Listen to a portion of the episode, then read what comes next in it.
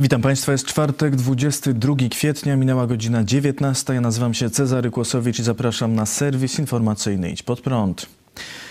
Czechy wykopują rosyjskich szpiegów. Jedno z największych rosyjskich przedstawicielstw dyplomatycznych w Europie może praktycznie przestać istnieć. Dziś minister spraw zagranicznych Czech Jakub Kulchanek ogłosił wydalenie kolejnych dyplomatów i pracowników rosyjskiej ambasady w Pradze, tak by ich liczba zrównała się z liczbą personelu czeskiej ambasady w Moskwie. W ambasadzie Czech w Moskwie pracuje obecnie pięciu dyplomatów i 19 pracowników. W rosyjskiej placówce w Czechach pracuje 27 dyplomatów i 67 pracowników. Oznacza to, że Rosjanie muszą zmniejszyć liczbę personelu o 70. Mają na to czas do końca maja. Jest to wypełnienie ultimatum, jakie Czechy postawiły Rosji. Do dziś, do południa Rosjanie mieli czas, by umożliwić wcześniej wydalonym czeskim dyplomatom powrót. Rosja nie spełniła warunku. Stosunki między Czechami i Rosją zaostrzyły się, kiedy czeski rząd ujawnił ustalenia śledczych w sprawie wybuchu w składzie amunicji we Wrbeticach w 2014 roku, w wyniku którego zginęły dwie osoby. Do eksplozji mieli doprowadzić oficerowie rosyjskich służb specjalnych GRU, ci sami, którzy później przeprowadzili zamach na Siergieja Skripala w Wielkiej Brytanii. Czesi wydalili na początek 18 rosyjskich dyplomatów, Rosjanie w odpowiedzi 20 czeskich. Teraz Czesi podwyższyli stawkę. Jednak mogą nie poprzestać na tym kroku. Wczoraj czeski Senat przyjął uchwałę uznającą wybuch we Wrbieticach w 2014 roku za akt terroryzmu państwowego wobec państwa członkowskiego Unii Europejskiej, a co za tym idzie wobec całej Unii. Senatorzy zaapelowali do rządu, by w rosyjskiej placówce dyplomatycznej w Czechach zostawić tylko ambasadora. Odpowiedź Rosji poznamy wkrótce. Rzeczniczka rosyjskiego MSZ powiedziała dziś: Praga weszła na drogę zniszczenia stosunków. Na odpowiedź nie będzie trzeba długo czekać. Wczoraj Czechy poinformowały o rozbiciu siatki werbującej bojowników do walki po stronie Rosji na Ukrainie. Policja przekazała, że zatrzymano pięć osób, które miały w przeszłości walczyć w Doniecku, wspomagając prorosyjskich bojowników. Dziennikarze śledczy ustalili, że zatrzymani są członkami paramilitarnych grup, które mogły się kontaktować z wydalonymi wcześniej z Czech agentami rosyjskiego wywiadu działającymi pod przykrywką dyplomatów. Jeden z zatrzymanych miał zajmować się zbieraniem funduszy i werbowaniem ochotników na kolejne wyjazdy.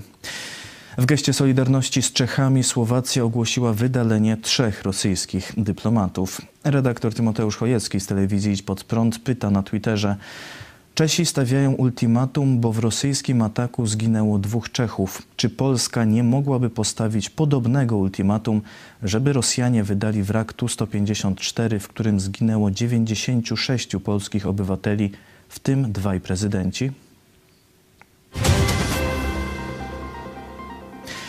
694 osoby zmarły w ciągu ostatniej doby z powodu chińskiego koronawirusa w Polsce, podało dziś Ministerstwo Zdrowia.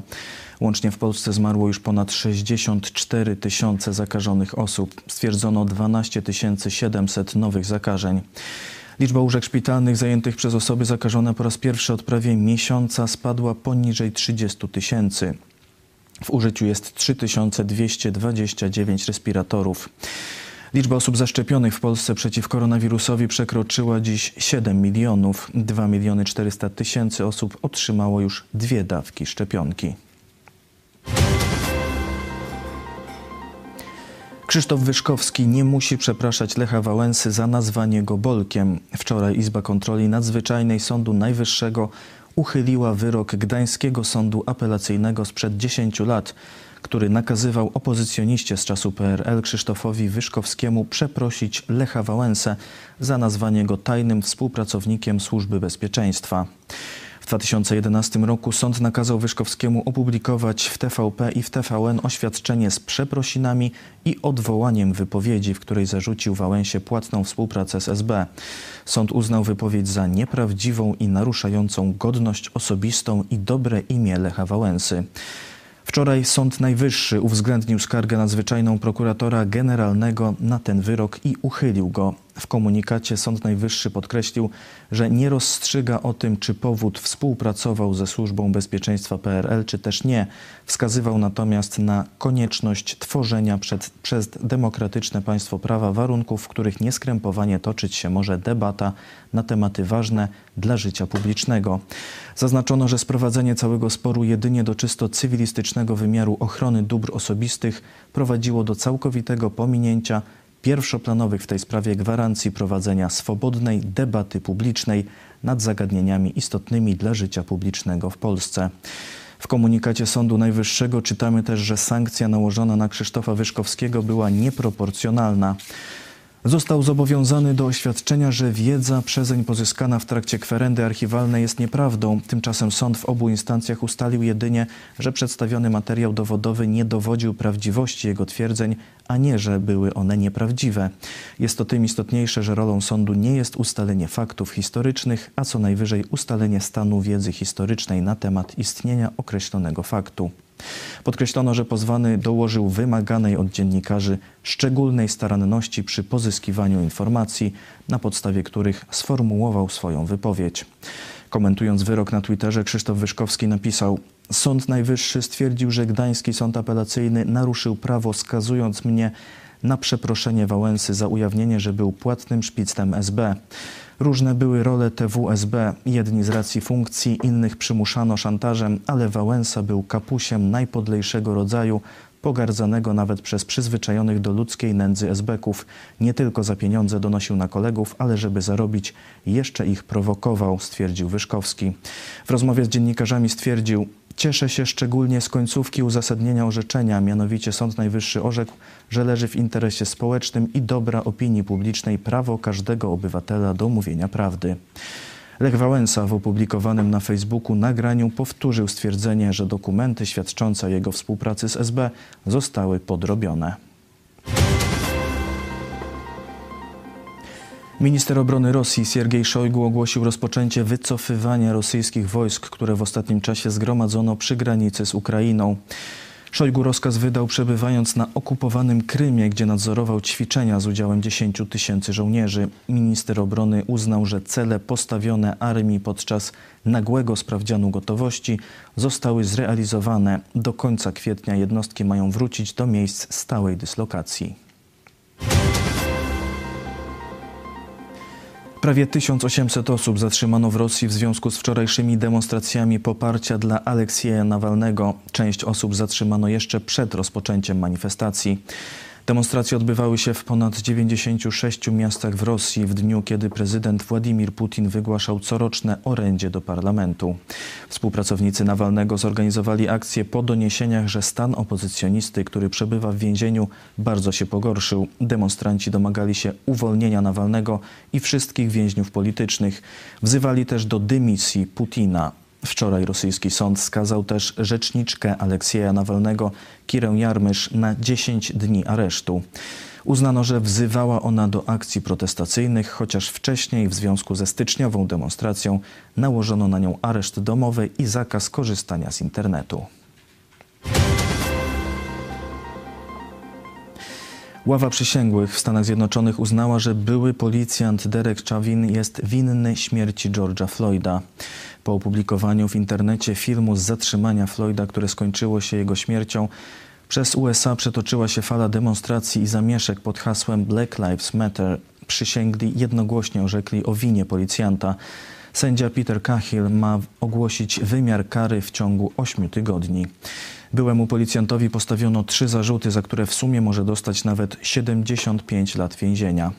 Prokuratura oceniła, że policjant po obezwładnieniu stawiającego opór przy aresztowaniu Floyda przyciskał kolanem jego szyję do ziemi przez około 9,5 minuty i to doprowadziło do śmierci.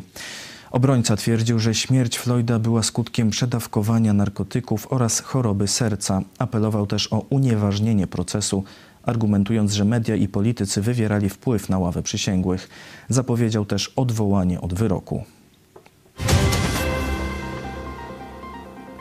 Australia zrywa umowy z komunistycznymi Chinami. Władze Australii zdecydowały o anulowaniu czterech umów zawartych przez stan Victoria z komunistycznymi Chinami.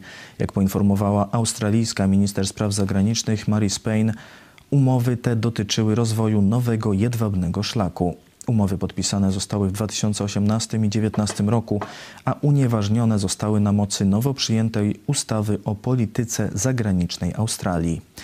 Uważam, że te cztery umowy są niezgodne z polityką zagraniczną Australii lub niekorzystne dla jej stosunków zagranicznych, oznajmiła Payne w komunikacie.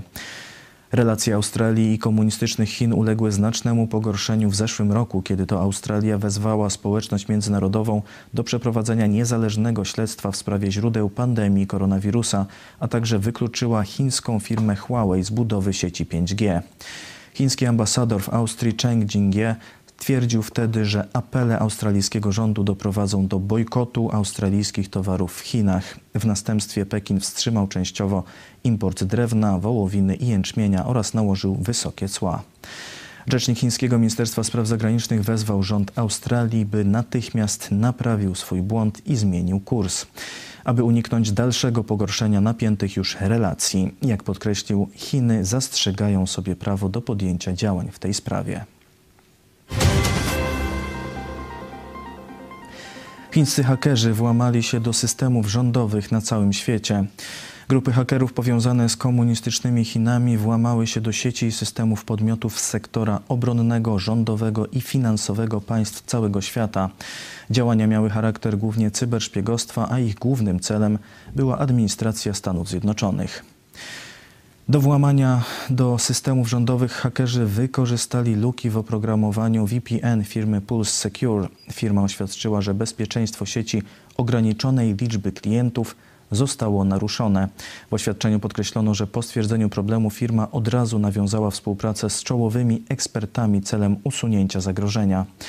Amerykańska Agencja do Spraw Cyberbezpieczeństwa i Infrastruktury stwierdziła, że cyberataki wykorzystujące luki w oprogramowaniu VPN mają wpływ na agencje rządowe USA, podmioty odpowiedzialne za infrastrukturę krytyczną oraz firmy z sektora prywatnego.